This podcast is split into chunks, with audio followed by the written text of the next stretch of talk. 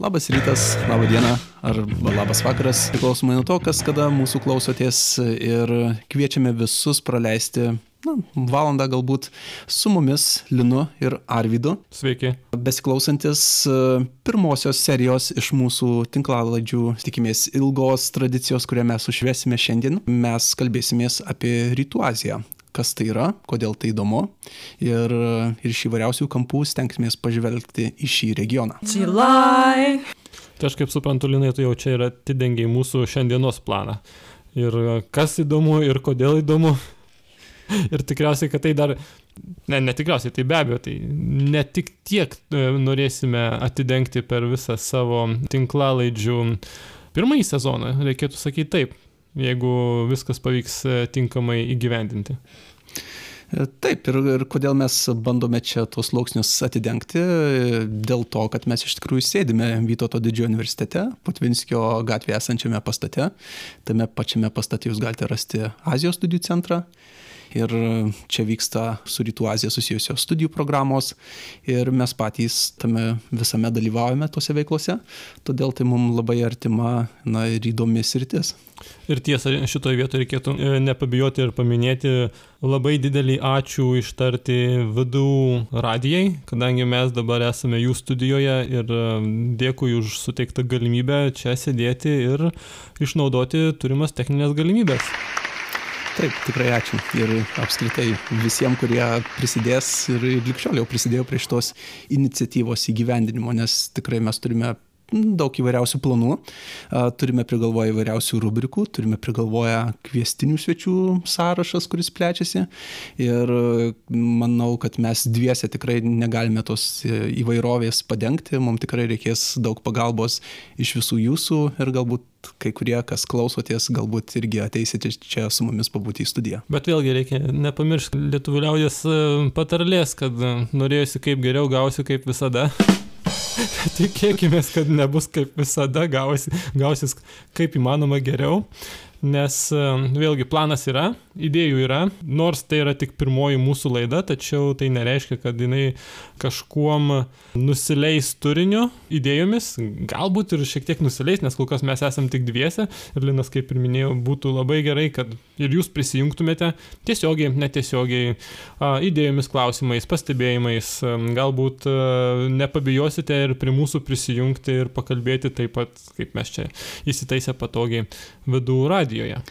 Ir šiaip pirmai laidai mes pasirinkome tokią pakankamai įvadinę temą, kad e, tikrai galbūt nekapstyti labai giliai arba labai kažkokios siauros ryties nepasirinkti, tiesiog supažindinti tuos e, klausytojus, kurie galbūt mažiau yra pažįstami su Rytų Azija ir atsakyti į kai kurios pamatinius klausimus, kas ta Rytų Azija, kokios šalys ten yra, kuo jos pasižymė, kas jas vienyje ir aišku, kodėl įdomu kalbėti apie Rytų Aziją, kas ten vyksta tokio intriguojančio, dėl ko jūs, e, na, mes mes galėtume pritraukti kaip klausytojus kiekvieną kartą vėl ir vėl paskirti tą pusvalandį ir valandą kartu praleisti.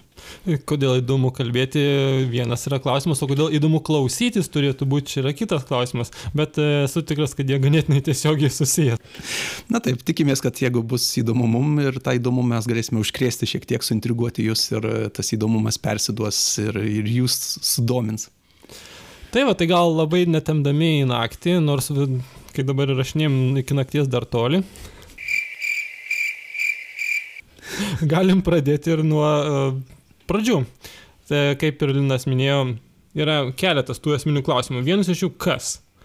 Ir e, kai mes kalbame apie Rytų Aziją, pirmiausia, turbūt reikėtų apsibriežti pačią Aziją kaip po tokią ir tada smulkinti jau dalimis.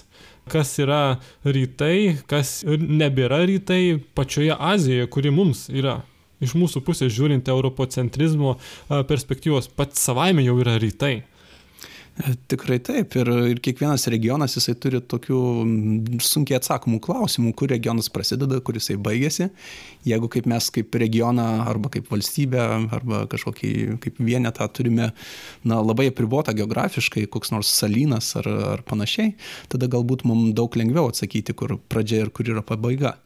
Bet jeigu mes turime didžiulį žemyną, kaip Euroazija, didžiulis žemės plotas, turime valstybės, kurios kerta tam tikras geografinės rytis, persidengia, tada tampa labai sunku tiksliai nubrėžti labai aiškią liniją, kur yra baigėsi ir prasideda pati Azija, o jeigu mes dar keliame klausimą tokį siauresnį, kur yra Rytų Azija, na galite įsivaizduoti, taip pat yra daug neatsakytų klausimų, yra daug tokių pilkųjų zonų, apie kurias mes galime kalbėti. Tai čia, sakyčiau, nebūtina žiūrėti labai toli, mes ir pačioje Europoje jau turime iššūkių atskirti, kur, kur yra rytai, kur yra vakarai, kur yra šiaurė. Paimkim Baltijos šalis, tai mes rytų Europą ar šiaurės šalys jeigu jau tokiam mažam plotelėje mes e, sugebam pasiklysti, aš manau, kad e, ne ką mažesni iššūkiai laukia ir ne tai, kad laukia, jau yra sulaukia dėmesio ir toje rytų Azijoje.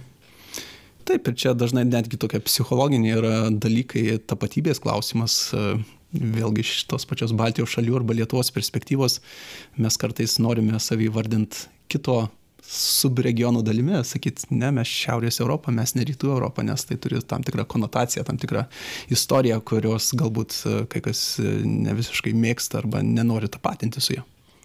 Na taip, iš tikrųjų, e, Rytų Europa tokia gal netgi diskredituotas. Kaip aš įsivaizduoju, kaip tai skamba mano ausimis, tai tam tikra prasme diskredituotas yra terminas rytų Europą. Ir, ir, ir tai iškart siejamas su komunizmu, su posovietinė praeitimi, bet klausimas yra, ar galima kažką panašaus rasti Rytų Azijoje. Ta prasme, jeigu mes sakysim, kad, a, va, šitas tai jau Rytų Azijos, o anas Šiaurės e, Azijos e, plotelis regionas. Geras klausimas, ar žmonės tenais gali save vienaip ar kitaip priskirti aukštesnės kokybės, na, sakykime, kokybės regionui.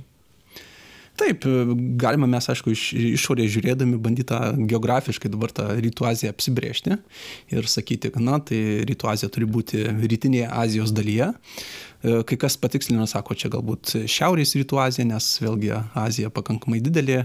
Turime pasakyti, aišku, šalis pavardinti kai kurias, kad būtų aiškiau galima galvoje tą regioną dėliotis.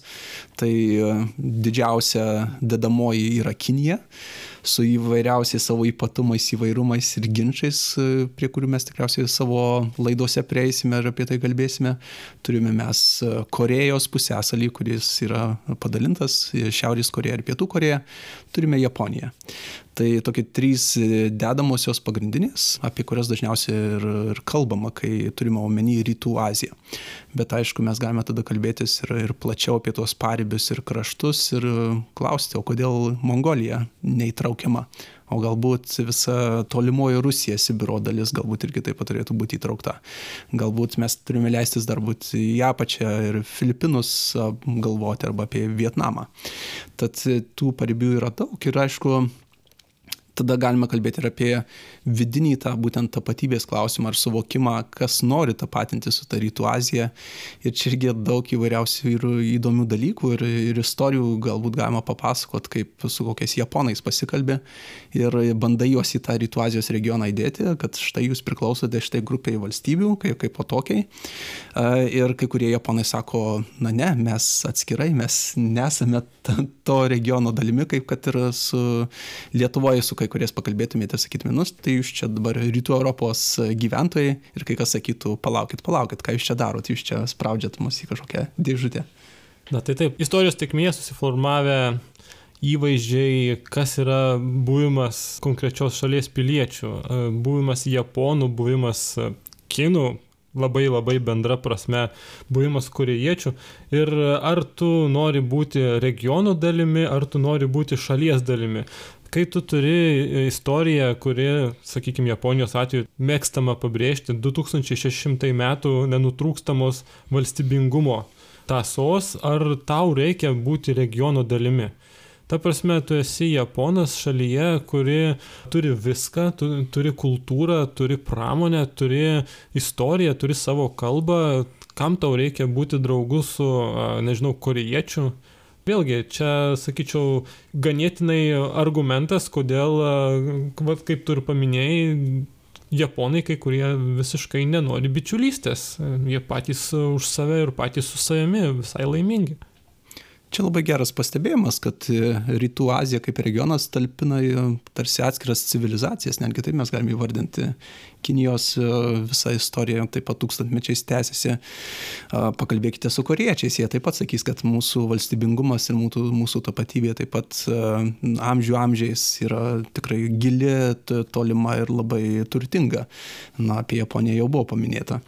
Tad šis regionas na, turi tokį ypatumą, kad talpina valstybės, kurios iš tikrųjų turi labai stiprią tapatybę E, gilę istoriją ir, ir tada galime mes užduoti tą klausimą, kodėl mes tada kuriam tą Rytų Azijos regioną, kodėl siejame šitas valstybės į vieną kažkokį darinį, kas, kas, kas sulibdo, kas yra tie klijai, kurie sujungia šitas šalis į, į vieną krūvą.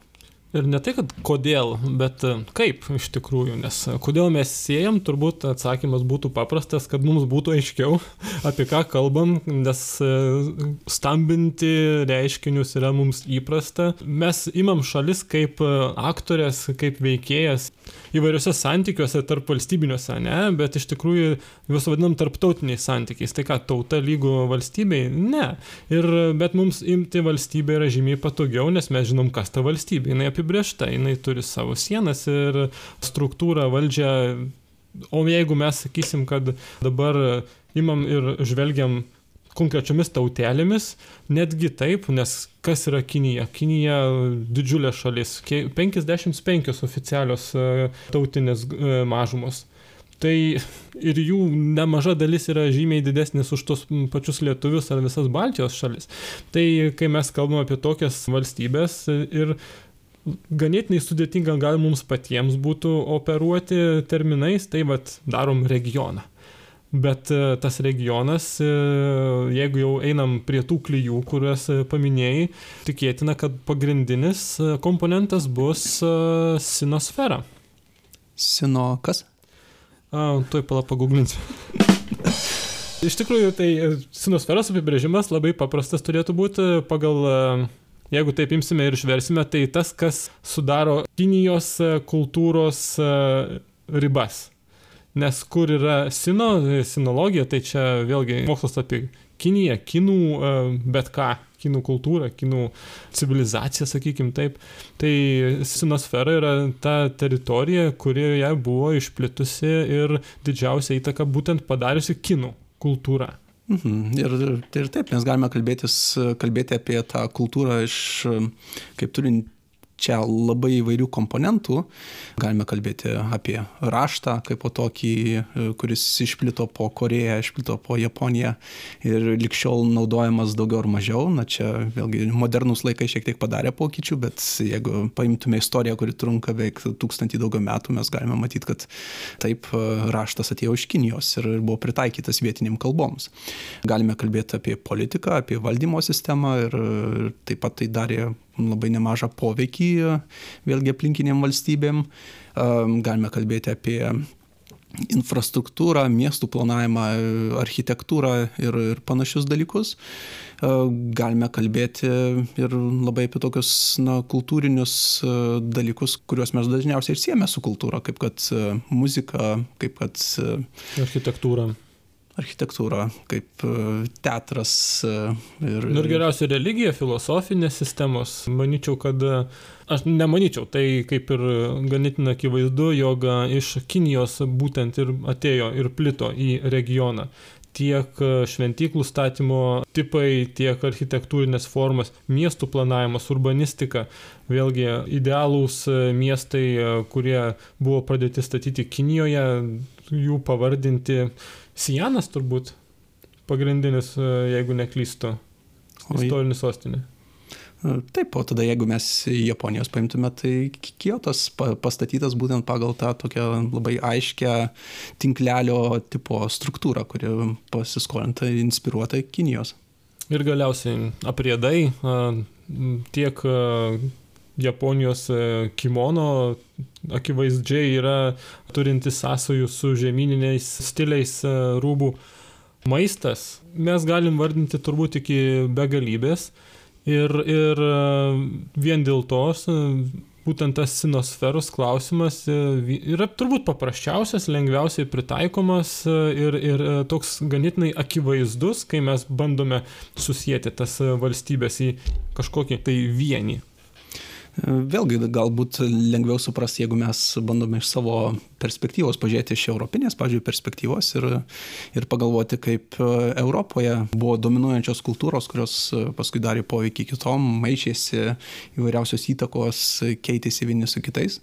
Ir kiek mes esame perėmę to ir savo na, kalboje, turime tos vadinamosius tarptautinius žodžius, kurie iš esmės yra Europos kontekste tarptautiniai, jie tikrai pasauliniu kontekstu nėra tarptautiniai.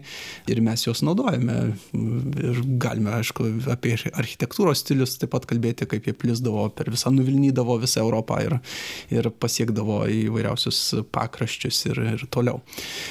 Tad tai galbūt galim, gali padėti įsivaizduoti, kaip ta sinosfera irgi veikia Rytų Azijoje ir kaip būtent Kinija buvo tas centras, kuris platino įvairiausią kultūrinius elementus. Aišku, turime pasakyti, kad perėmė taip pat nemažai, tad, kad, kad Kinija nebuvo tik tai vienpusis, kaip sakant, ryšys su kitom valstybėm, kitos valstybės taip pat puikiausiai adaptavo, puikiausiai pritaikė savo vietos kultūrą ir galiausiai buvo ir atgalinis ryšys atgal į Kiniją su, su, sugrįžtantis. Tad, tad taip, sinosfera yra tikrai vienas iš pagrindinių jungin, jungiančių dalykų Rytų Azijos valstybės. Tad kas dar? Ar mes turime dar kažką, kas jungia Rytų Aziją į vieną, vieną darinį? Na, jeigu mes aptarėm geografiją, jeigu mes aptarėm kultūrinius aspektus, tai daugiau tokių klyjų kaip ir būtų sudėtinga išvelgti, nes jeigu mes žiūrėsime į politinį vystimąsi PVZ, tai Taip, pakankamai skirtingais turim visą spektrą, pradedant Šiaurės Koreja, kuri didžiausia autoritarinė, kaip stipriausias autoritarizmas visame pasaulyje, ko ne, iki Kinijos, kuri, na, tokia švelnesnės vienpartinis valdymas, iki labai stiprių demokratijų, kaip kad Japonija, Pietų Koreja arba Taivanas. Tad, Jūs paminėjote Taivaną, Taip, Taivanas tai yra stipri demokratija Rytų Azija. Ne, tiesiog iki šiol pokalbėje Taivano nebuvo girdėti. Ir čia, sakyčiau, yra labai didelis klausimas, ką daryti su Taivanu Rytų Azijoje. O reikia kažką daryti? Įtraukti ar neįtraukti? Jisai pritinka ar nepritinka, kaip, kaip atrodo? Na, va čia tas klausimas, kurį mes, manau, galėsime ateityje iš, labiau išlūkštenti, e, kad kaip mes pasakome žodį Kinija, mes turime tiek daug visko besislepiančio po to. Ir ten yra tie Kinijos pakraščiai, paribiai, ar kaip juos įvardintume, kurie ypatingai yra problematiški ir, ir Kinija pakankamai jautriai žiūri kai kurios klausimus. Ir, ir aplink pasaulį mes galėtume taip pat surasti įvairiausių požiūrių, kaip, kaip žiūrima į tos dalykus. Mhm. Na tai tada kaip ir aišku, e, mes turime Rytų Azijos regioną, kurį mes vadiname Rytų Azija, tai yra Japonija, dvi Korejos, Kinija ir Taivanas išlys vienu ar kitu momentu mūsų pokalbiuose. Hongkongas. Prasideda. ir e, vėlgi, kai mes e, žiūrime į šias penkias šalis, jeigu trauksime Taivaną, ar nebūtų tikrai paprasčiau to vadinti Šiaurės rytų Aziją.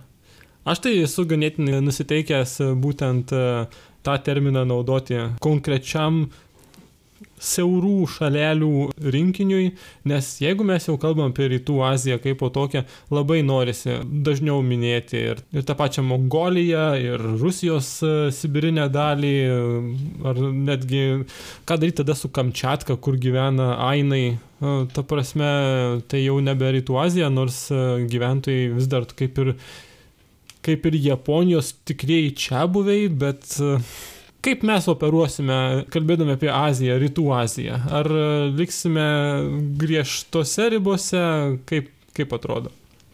Iš tikrųjų būtų labai malonu paliesti kai kurios tos e, paribius arba tos va, dis, diskusijų sukeliančias valstybės, kurios ar patenka ar nepatenka į Rytų Azijos apibrėžimą. Aš asmeniškai dėl kai kurių geografinių tų vietovių, kurias mes įtrauktume į Rytų Aziją, nesijaučiu labai tvirtai, kad e, kalbėčiau įsamei, bet žinoma, jeigu mes turėtume svečių, kurie apie tai pakalbėtų, aš labai mielai tikrai primčiau ir sakyčiau, prašome mes norime sužinoti daugiau. Tai čia užuomenų, jeigu ką. Taip, jeigu klauso kažkas, kas žino apie Mongolijos stepes ar kitus paribius, tuomet e, čia vėlgi paribiai galbūt tą konotaciją tokią turi, bet mes tikrai iš savo e, perspektyvos čia dabar į Rytų Azijos įrėminti ta, tos paribis formuojame, žinoma, jie gali būti ir centras iš kitos perspektyvos. Tai va, tai čia ir prasideda įvaizdžiai, kaip, mes, kaip mums atrodo, o galbūt yra visiškai kitaip. Ir e, iš karto turbūt reikėtų ir atsiprašyti tų, kurie mūsų klauso ir e, galbūt jau pradėjo teisti, beklausydami, jog, a, tai jau čia šitie eurocentristai, jiems Azija, tai paribiai, paribiai, o mes, va, čia civilizacijos centras, e, Europa ir visa kita tikrai mes nemanom, kad tokie esam. Tiesiog yra tam tikri įskiepyti jau ribojimai, mes, su kuriais mes turim dorotis. Ir ta pati mokslinė literatūra, įvaizdžiai, kuriuos mes gauname iš žiniasklaidos, iš galiausiai turizmo sferos, visa tai sudaro sferą, kuriuose, kurioje mes e, gyvenam, kurioje mes kontempliuojam ir iš kurios mes bandom kažką e, išvystyti. Ir nors kaip ir priklausom, nu kaip ir priklausom, mes tiesiogiai priklausom Azijos studijų centrui ir mūsų užduotys kaip susiję yra su tyrimais. Tačiau vėlgi, žmogiškai ima kartais ir iš, išslysta kas nors, praslysta ir gaunasi nesusikalbėjimas. Tai aš iš savo pusės iš, iš anksto atsiprašau, jeigu kažką neteisingai lepteliu, neteisingai kaip jums atrodo. E, taip, ir čia tokį klausimas yra užkabinamas, tai vadinamasis orientalizmas, e, kuris e, atsiradęs prieš kelis dešimtmečius, būtent kvestionuoti šitą kalbėjimą apie Aziją, kalbėjimą apie Rytų Aziją, kalbėjimą apie bet kurį tikriausiai nutolusį regioną nuo mūsų, kurį mes egzotizuojame, paverčiame kaip kažkokiu labai įdomiu, keistu kraštu, kur gyvena keis, keistos kultūros, mums nepažinti žmonės ir, ir jie labai kitokie yra ir, ir taip toliau ir panašiai. Ir, ir kartais taip mūsų kalbose galbūt nejučiom praslysta kai kurie šitie orientalizmai vadinamieji, kada mes labai kuriame tą kitokį, kitokį požiūrį, kuris labai tarsi atsietas nuo mūsų pačių, save pastatome į centrą, o tos kitus regionus pastatome į tos paribius, kad, kad ten vyksta kažkas jau labai, labai ypatingo. Gali būti labai teigiami dalykai, sakome apie tos ypatingumus, gali būti labai neigiami dalykai. Tiek, tiek viena pusė, tiek kita pusė dažniausiai gali būti labai nu, nukrypusi nuo, nuo tiesos. Ir aišku, akademinėse studijose nori ieškoti tos tiesos ir, ir, ir ją surasti. Iš kitos pusės, jeigu mes bandome kai kurios dalykus e, populiariai pateikti ir pritraukti, na, supažindinti žmonės, kurie na, visiškai nuo nulio arba nuo vieneto pradeda domėtis tolimais kraštais, kartais tas orientalizmas jisai, na, ar gali būti teigiamas toksai prieimas, kad jisai padeda šiek tiek sukurti tam tikrą sąsąją, kuri sudomina žmogų ir tada prasideda viskas nuo galbūt tokio švelnaus, galbūt nekalto orientalizmo, e, kad mes suprantame kažką kitą kaip kažką labai egzotiško ar panašiai, bet kuo toliau mes gilinamės, tuo mažiau mes to orientalizmo vis jį stumėme į šoną, kuo labiau ir vis supratę gerai regioną kitą, galbūt mes jau tada ir atsikratome galiausiai to orientalizmo.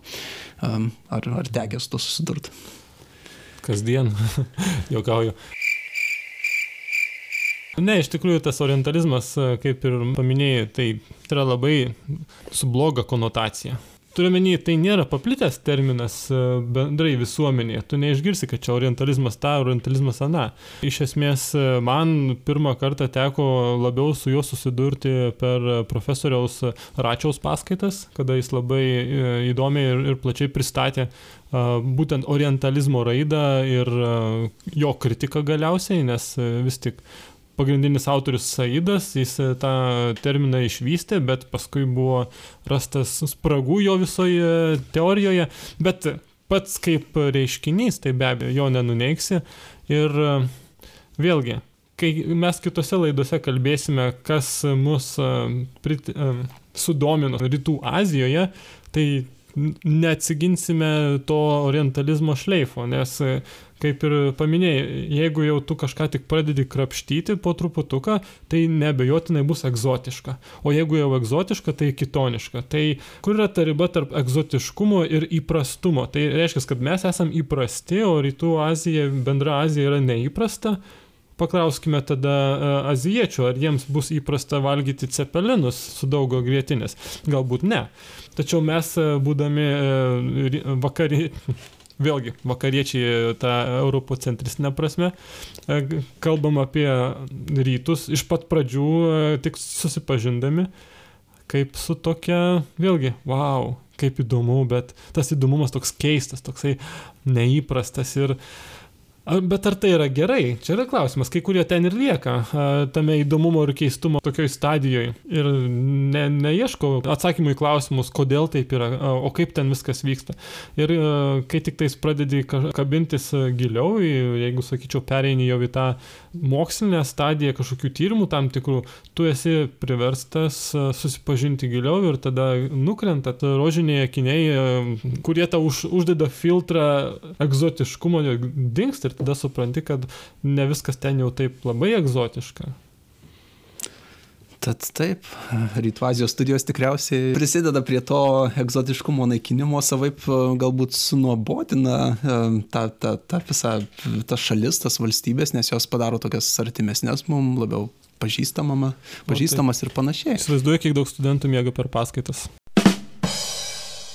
nes ateina su orientalistinėmis prieigomis dažnai, o paskui tenka jų atsikratyti. Ir tai būna šokiruojantis kartais dalykas, kad tenka tuos labai egzotinius įdomumus, kitoniškumus e, palikti už nugarinės, na, nėra ten taip viskas labai jau kitaip tiek, kad, kad neprieinama prie kažkokių tarp žmogiškų dalykų, kurio vienyje Ne, tai be abejo, bet būkim bėdini, bet teisingai, lieka tas tam tikras lygmuo egzotiškumo, ta prasme, kad ir kiek tu gilinsiesi į tą Aziją, Japoniją, Koreją, vis tiek liks netikėtumas. Visko tu nesi pamatęs, ištyręs, paragavęs ir vis grįžta kažkada tas suvokimas, oho, nu bet jie tai ir sugalvoja.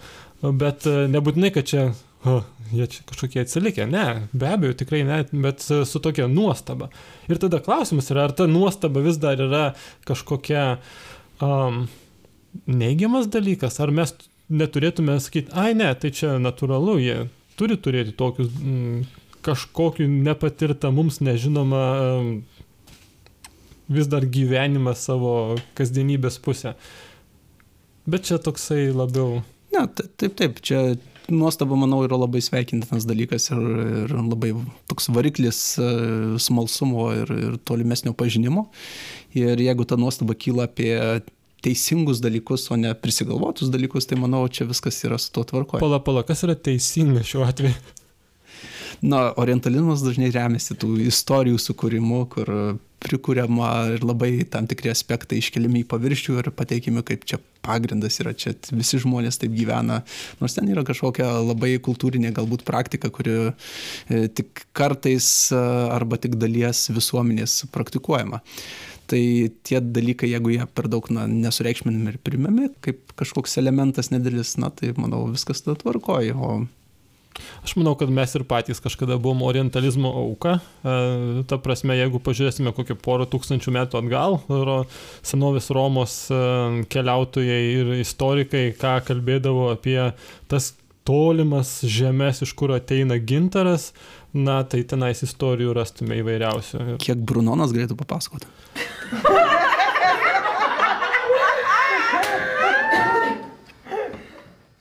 nu, kurį laiką galėjo pasakot, kol su kuo ką negavo. Ir kol neišgarsėjome. Taip. Bet kodėl mes patys ateiname iš tą Rytų Azijos regioną, kas mums įdomu, čia būtų toksai dar vienas sluoksnis, kurį mes norėtume kaip įvadinyje pakapstyti, paklausti, kodėl tas regionas įdomus mums, arba na, iš tokios labai asmeninės pozicijos ir tuo pačiu pakalbėti, kodėl jisai įdomus plačiaja prasme, kaip, nežinau, visai Lietuvai, visai Europai, visam pasauliui galbūt svarbu. Tad, tad kokios mintys kyla čia? Visų pirma, galbūt nuo to asmeninio susidomėjimo, kodėl mes dabar čia leidžiame laiką vidury vasaros ir kalbame apie Rytų Aziją. Paminėjai vidurį vasaros, tai taip pasižiūrėjau pro langą, debesėliai plaukia, taip įsivaizduoju dabar save kur nors kitur, kur nors, kur nors Širahamos paplūdimy, mhm. šalia Onsenai. Džedžių saloje. Nesu buvęs, nežinau apie ką jūs. Iš tikrųjų, kai mes kalbame apie tą uh, subjektyvų įdomumą, tai čia turbūt mes jau perinam į uh, tam tikrų istorijų, tam tikrų potyrių uh, lygmenį, nes kiekvienas, kiek, kiekvienas iš mūsų turime savo priežastį, kodėl atėjome į tą Azijos uh, studijas. Bendraja prasme Azijos, jeigu dar smulkinsim Rytų Azijos, jeigu iš viso susismulkinsime, tai aš asmeniškai save sieju su ja, Japonų studijomis ir netgi labai labai konkrečiai socia, sociopolitinę pusę. Taip kad už visus kalbėti tikrai negalėčiau. Žinau, Linai, tu irgi labai turi siaurą specializaciją, bet jinai vis plečiasi ir plečiasi metai iš metų. Taip, kuo toliau domiesi, tuo krantai visi tolsta ir visko vandenynas nesimamas. Bet taip, tai ta pirminė istorija, tai jinai pakankamai siaura atrodo, nes mano atveju tai viskas nuo kalbos prasidėjo. Kalba pasirodė būtent galbūt va čia orientalizmas pirminis intriguojantis, kad labai keista kalba, kažkokia kitokia, neįprasta, ne, neeuropietiška ir kad ją išmokus gali, gali perprast kažką, kažkokį kitokį va, mąstymo būdą arba tai yra ta, tarsi iššūkis, kurį, kurį įveikęs gali pasijausti asmeniškai, kad štai padariau didelį darbą, nes kažkas tokio labai neįprasto. Tai viskas prasidėjo nuo kalbos ir tada kalba atskleidžia labai daug įvairiausių klodų, nes mokindamasis kalbą susipažįsti ir su tradicijom, susipažįsti ir kaip žmonės gyvena ir anksčiau gyveno ir šio laikinės visas gyvenimas kaip vyksta, susipažįsti su, su politinė sistema, ekonominė sistema ir kitais panašiais dalykais. Tad per kalbą viskas prasidėjo toks siauras ir iki šiol besiplečiantis tada interesas. Aš manau, kad mes dar apie tai pakalbėsime kitoje laidoje, apie tai, kas sudomino mus su Rytų Azija. Toliau kapstytis. Linas sako, kad ne, ne, ne, mes turėsim dar vieną laidą, pamatysit greitų laikų. Aš nesakiau ne. Aišku, kad nesakė, ką tik paminėjai. Iš tikrųjų, tai tas įdomumas, be abejo, subjektivus kažkoks paskatinimas domėtis, gal aš sakyčiau, kad pirmiausia nuo viso to regiono viskas prasidėjo, paskui smulkinosi, smulkinosi. Bent jau mano atveju, tai kai tik tais pradėjau galvoti apie Azijos studijas, tai Azija, Rytų Azija, aš net nebūčiau galėjęs išvardinti konkrečių šalių kas turėtų būti įtraukiama, o kas ne. Kokie yra skirtumai. Ir va, ai tiesiog rytų Azija, tada jau ateisim, pamatysim. Ir taip ir atsidūriau magistro studijose, o tenais jau ir suskaidė vis, viską į mažesnės ar didės ar stambesnės dalis. Ir uh, tokiu atveju tas įdomumas, vėlgi, uh, niekur nepabėgsim nuo to orientalizmo, kad jį kur galas, bet uh, jisai toliau veda ir uh, iš susidomėjimo kažkokią neįprasta, sakyčiau, neįprastų reiškinių galiausiai priveda iki darbo mokslinių lygmenių, tam tikrų mokslinių lygmenių. Ne, nereikia kuklintis, viskas gerai. Ne, tai kuklumas žmogų puošia. E, Ką pasakytų japonai arba kinai šiuo atveju, tiesą sakant. Ką Konfucijus pasakytų? Kung fu bu fu jau xin ren. Ne, Konfucijus taip, jis kuklumą pagirtų iš tikrųjų ir manau, kad sakytų labai gerai pasakyti. Ačiū, ačiū Konfucijau. taip. Taip, ir, ir mes jeigu iš tikrųjų kitą kartą pakalbėsime apie tai tokius savo galbūt asmeninius dalykus, ar platesnius ar siauresnius, kodėl mes atkeliavome į Rytų Azijos studijas, bet jeigu mes apžvelgtume iš tikrųjų, pavyzdžiui, studentus ateinančius į Rytų Azijos studijų programas, kurios yra ir bakalauro ir magistro lygmenyje, tai mes galėtume taip pat tų, tų pavienių istorijų papasakot, kas atveda na, jaunimą į Azijos studijas. Ir daugelis tikriausiai pasakytų, kad tai yra šio laikinė populiarioji kultūra, kuri užkabina. Pirmasis tas kabliukas, e, per kurį tada atrandama na, ir kalba atrandama, ir tradicijos atrandamos, ir, ir, ir visuomenės įvairiausiai ypatumai taip pat e, perprantami. Čia galbūt ne visom šalim tikriausiai tas aktualu.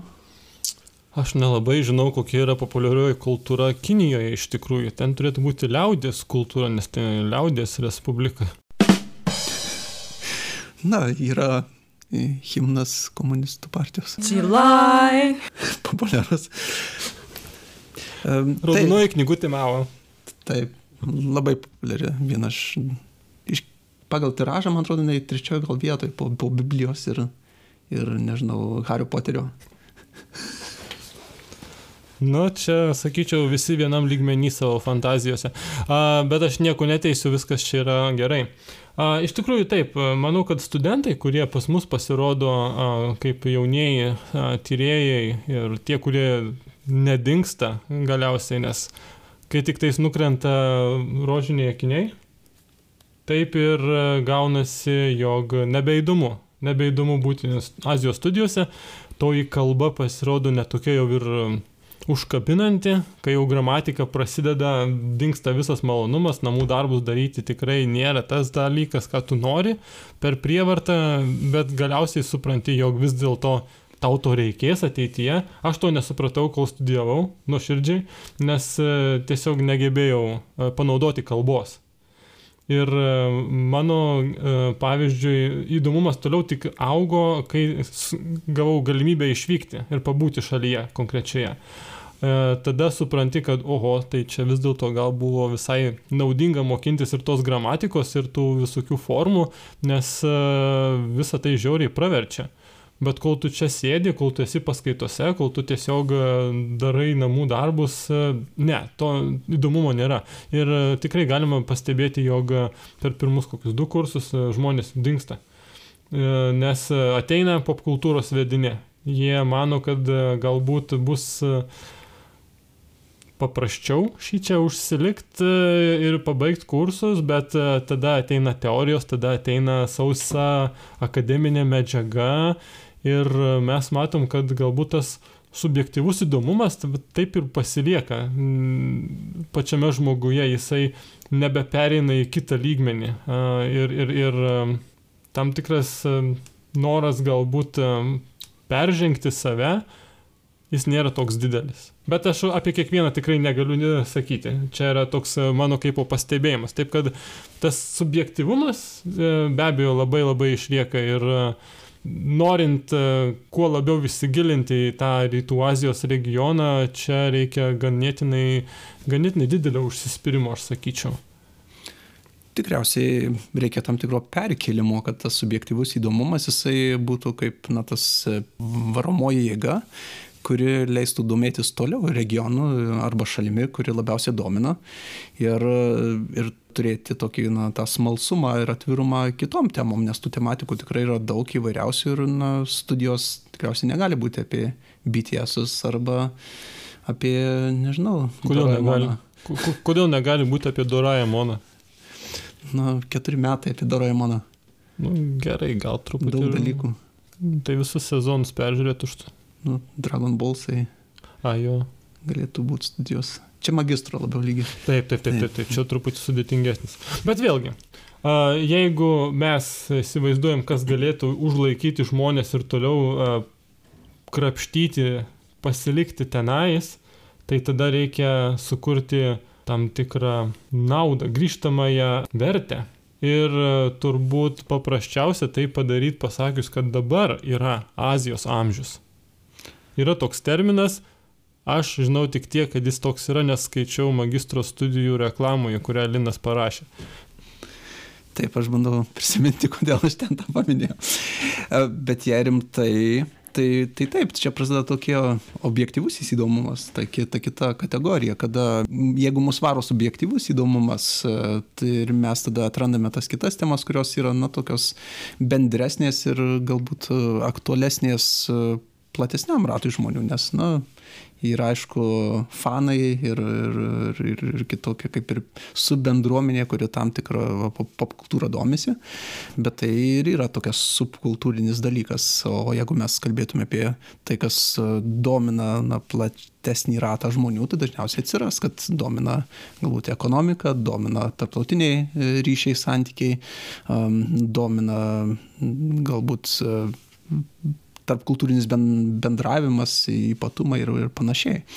Tai čia va būtent ir atsiranda ta Azijos amžiaus savoka, kuri bando teikti, čia jūs galite aišku ginčytis, tikėti ir netikėti tuo, kad vis daugiau ir daugiau Azijos yra arčiau mūsų ir mes gyvendami Lietuvoje, Europoje ar viso pasaulio mastu, mastu mes galime vis daugiau matyti, kad yra kažko, kaž, kas ateina iš Kinijos, kas ateina iš Korejos, kas ateina iš Japonijos.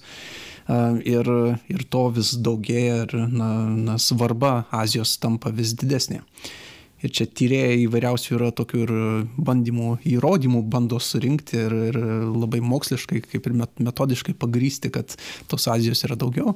Ir viena iš tokių prieigų, kuri dabar ateina į galvą, tai kad paieškosiu, kas padarė tą tyrimą ir galbūt mes į aprašymą įdėsime būtent nuorodą to, kad čia toks iš ekonominės labiau pusės mokslininkai bandė apskaičiuoti, kur yra pasaulio ekonominis centras pagal pažiūrėdami valstybių vidaus bendrai produktą ir bandydami išvesti tokį kaip ir vidurkį ir tada padėti ant pasaulio žemėlapio tašką, kuris vaizduotų, kur yra tas viduriukas. Ir tas viduriukas šaltojo karo metais ir, ir anksčiau prieš tai na jisai apie 20 amžių, jeigu kalbėtume, jisai buvo kažkur Atlanto vandeninė. Nes e, Šiaurės Amerika labai e, ekonominė gale ir tada Europos šalys taip pat buvo ekonomiškai labai stiprios. Bet jeigu mes žiūrėtume per paskutinius kelius dešimtmečius e, ir apskaičiuotume tą tašką, tai jisai matome, kad juda link Azijos vis arčiau ir tai reiškia, kad Kinijos ekonomija gali auga, Japonija e, kaip trečia didžioji ekonomika, Koreja, taip pat e, didžiulė ekonominė gale, jos būtent tą atsvarą sukuria e, Šiaurės Ameriką ir Europoje ir būtent tą ekonominį centrą į link savęs traukia. Aišku, mes galim paminėti ir plačiau visą Pietryčių Aziją su Malazija, Indonezija ir kitomis šalimis, kurios tikriausiai mūsų akiratyje vis daugiau ir daugiau atsidurs būtent dėl tos savo svarbos. Tai jau keturi Azijos tigrai, kaip su jais tada? Na va, taip, Azijos tigrai. Jie aišku savo didžio tigriukai kartais nes na kinijos visai žmonių masei ir, ir bendrai ekonominiai galiai nelabai gali pasilyginti, bet taip, jie yra tas receptas sėkmės istorija, kuri, į kurią žiūri kitos šalys ir bando sekti paskui. Tai realiai gaunasi taip, jog iš tikrųjų objektivus įdomumas Azijos šalių atsimuša į ekonomiką, į politiką, nes iš to galima gauti naudos, kaip aš tą suprantu. Taip, labai toks pragmatiškas, sakyčiau, požiūris, kad e, e, kas kasdienybėje labiausiai na, rūpi, kaip išgyvenimui arba tos pridėtinės vertės sukūrimui. Tai visos, sakykime, vėl grįžkime ir tos populiariosios kultūros, na tai toks laisvalaikio dalykas. Aišku, tai gali tapti labai stiprią industriją ir gali tai labai, na, manau, kad kei poperiai labai aiškiai pasakytų, kad taip, iš to galima kalti visai nemažus pinigus. Ir čia jūsų politika yra nuobodus ir sausas daiktas, geriau dainuokim, pašokim ir mums mokės vonus už tai. Taip, taip, ir galima tiesiog pagalvoti, kaip, kokius receptus sukurti ir kaip tą populiarią kultūrą tada į tą ekonomikos pusę pernešti ir tada taip e, kurti kažkokią apčiuopiamą e, vertę. E, tai čia taip viena iš tų nišų, kur, kur gali kažkas, kažkas įvykti ir aišku, galime apie tokius labiau tipiškesni dalykai tai būtų, kad na, vyksta priekyba tarp Lietuvos, Kinijos, Lietuvos, Korejos, Lietuvos, Japonijos vyksta verslo misijos, atvyksta pas mus iš Japonijos turistai, iš tikrųjų didžiuliai skaičiai ir mums reikia suprasti, kas čia vyksta, kaip tai vyksta, pagal kokius principus, kaip mes turime bendrauti vieni su kitais, kad vieni kitus suprastume. Čia iš abiejų pusių tai vyksta. Kinijoje mokosi, kaip su Europos verslininkais bendrauti, arba ar Japonai ir, ir Europoje mokomės, kaip su Kinijos verslininkais kalbėtis. Bet vėlgi mes matom čia tokį labai įdomią disproporciją. Tam stop paminėjai, kad Kinija Europa, Japonija Europa. Bet čia yra lietuviai mokosi apie Japoniją, lietuviai apie Kiniją, tą visą plačiąją. Ir aš manau, kad vėlgi tai yra ir iššūkis papildomas, sakykime taip, mums kaip mažesnių šalių atstovams, jog turime sugerti plačios didelės šalies e, kultūrinius aspektus. Ir vat, e, sakys, e, ateina Japonas arba Kinas, a tai jūs čia europiečiai. jūs daro taip ir taip, jums taip įprasta, bet tai a, Europa tai vis dėlto yra ne viena šalis, Europa, žiūrėsim, ar tai yra a, vakarų Europa, rytų, gerai, kad mes ne rytų Europoje, ne, a, yra Europos Sąjunga, ar mes tapatiname Europą su Europos Sąjunga, jeigu kalbam ekonominiais terminais turbūt taip, kultūriniais turbūt ne. Ir vėlgi, tas tokia disproporcija komunikacijos, sakyčiau, ganėtinai išsivysto. Bet mums iš mūsų pusės žvelgiant, nu ką padarysi, mes esam priversti su tom dorotis. Na, čia gilus klausimas, iš tikrųjų atskirą laidą mes galėtume apie tai padaryti ir pakviesti kokį tarp kultūrinės komunikacijos specialistą, kuris galėtų atsakyti iš tos klausimus dar įsameu, negu kad mes galime šiandien tai padaryti, bet taip, mažos kultūros susidūrė su didelėm kultūrom, įvyksta kartais tie mainai nelygiai verčiai. Kartais didelė kultūra sako, jūs čia prisitaikykite dabar prie mūsų, nes mes prie jūsų mažiukų nesigilinsime jūsų ypatumus labai, arba, kaip sakai, įmes į vieną katilą, į tą bendrą supratimą ir tos Europos kultūros, kuris yra labai, aišku, platus terminas ir daug nepasakantis kartais, ir neįsigilins į lietuviškus ypatumus. Tai taip. Bet kad ir kas įvyktų, vis tiek žinojimas jisai yra vertingas, nes jisai gali pastumėti mus į priekį. Ir jeigu mes, jūs primsit šitą mūsų argumentą, kad taip Azijos amžius jisai atkeliauja, gal jis dabar jau ir yra, gal 21 amžius ir gali būti skaičiuojamas kaip Azijos amžius, tada mes turėtume sutikti, kad mes turime save ugdyti kaip specialistus šitoje srityje ir žinoti, kas čia vyksta. Ir tada mes galėsime daugiau pasimti iš daugiau visų tų galimybių atsirandančių. Ir, ir nuo to mums tik geriau bus. Aišku, mes galime kalbėti, vėl čia dar kita tema, ar mes suprasdami kitus nesuprantame geriau ir savęs. Ir čia gal irgi yra pliusas, kad mes a, suprasdami rytų Aziją geriau ir save vis savo daugiau klausimų užsiduosime, a, kas ta lietuviška kultūra, kas ta europietiška kultūra, kaip atskirti ir kas yra vienintys faktoriai, kas yra labai skirtingi. Kažkokia autorefleksija prasidėjo. Bet aš manau, kad tuos klausimus tikrai bandysime atsakyti ateinančiose laidose. Tikrai būtų uh, planas A, tai reiškia, idealių atveju visus tos klausimus mes išnagrinėsime kersai išilgai ir nepaliksime vietos diskusijai. Labiau tikėtina, kad bus planas B, mes visko neaptarsime, o diskusijos taip ir liks pusiau išsemtos.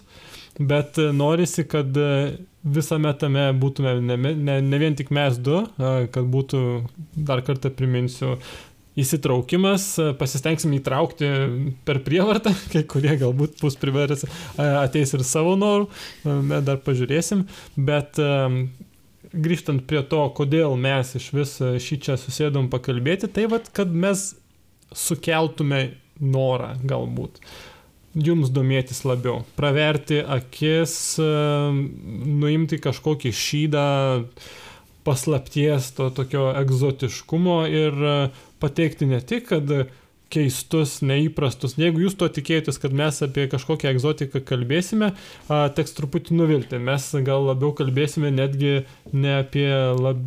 teigiamus dalykus. Toks būtų mažas tam tikras siekis, o gal netgi ir visai nemažas tikslas parodyti tą tamsesnę, mažiau atidengiamą Rytų Azijos pusę, konkrečių šalių socialinės galbūt netgi problemas, kad netrodytų, jog ten viskas taip labai žiauriai gerai. Be abejo, mes norim, kad tai būtų uh, nesunaikintas įvaizdis, kad jūs norėtumėte išvykti, pakeliauti, kad jūs norėtumėte ir studijuoti atitinkamuose Azijos studijose, bet kad susidarytume pilnesnį vaizdą, kas ten per daiktas ir, ko, ir kas ten vyksta, tai šitos laidelės ir, ir, ir yra organizuojamos. Taip, turime ne vieną tokį aštresnį kampą Rytų Azijoje, kuris egzistuoja ir dėl ko Rytų Azijos šalys pykstasi, nesutarė arba kokias problemas sprendžia. Tai visą tai norisi tikrai supažindinti ir pakalbėti apie tos dalykus, nes, nes taip, teigiami dalykai iš jų galime pasimokyti, neigiami dalykai taip pat iš jų galime pasimokyti kažką suprasti ir, ir pagilinti savo žinias. Tai bandysime ir vienu kampu, ir kitu pažiūrėti. Ir kaip jau Arvidas sakė, bandysime kalbėti ne vieni, pabandyti pasikviesti ir svečių, ir, ir pašnekovų, kurie mums tų perspektyvų papildomų galėtų suteikti ir, ir praturtinti ir, ir jum galbūt įdomiau klausytis nuo to būtų. Tai aš manau, kad tam kartui, e, netemdami labai jau į detalės, e, galime ir užbaigti, kad liktų kažkoks noras klausytis e, mūsų ateinančių laidų. Tai tikėkime, kad kažkiek užkabinom, kad sudominom ir lauksite, kada mes įkelsime antrąjį mūsų epizodą. Taip, iki kitų kartų. Iki.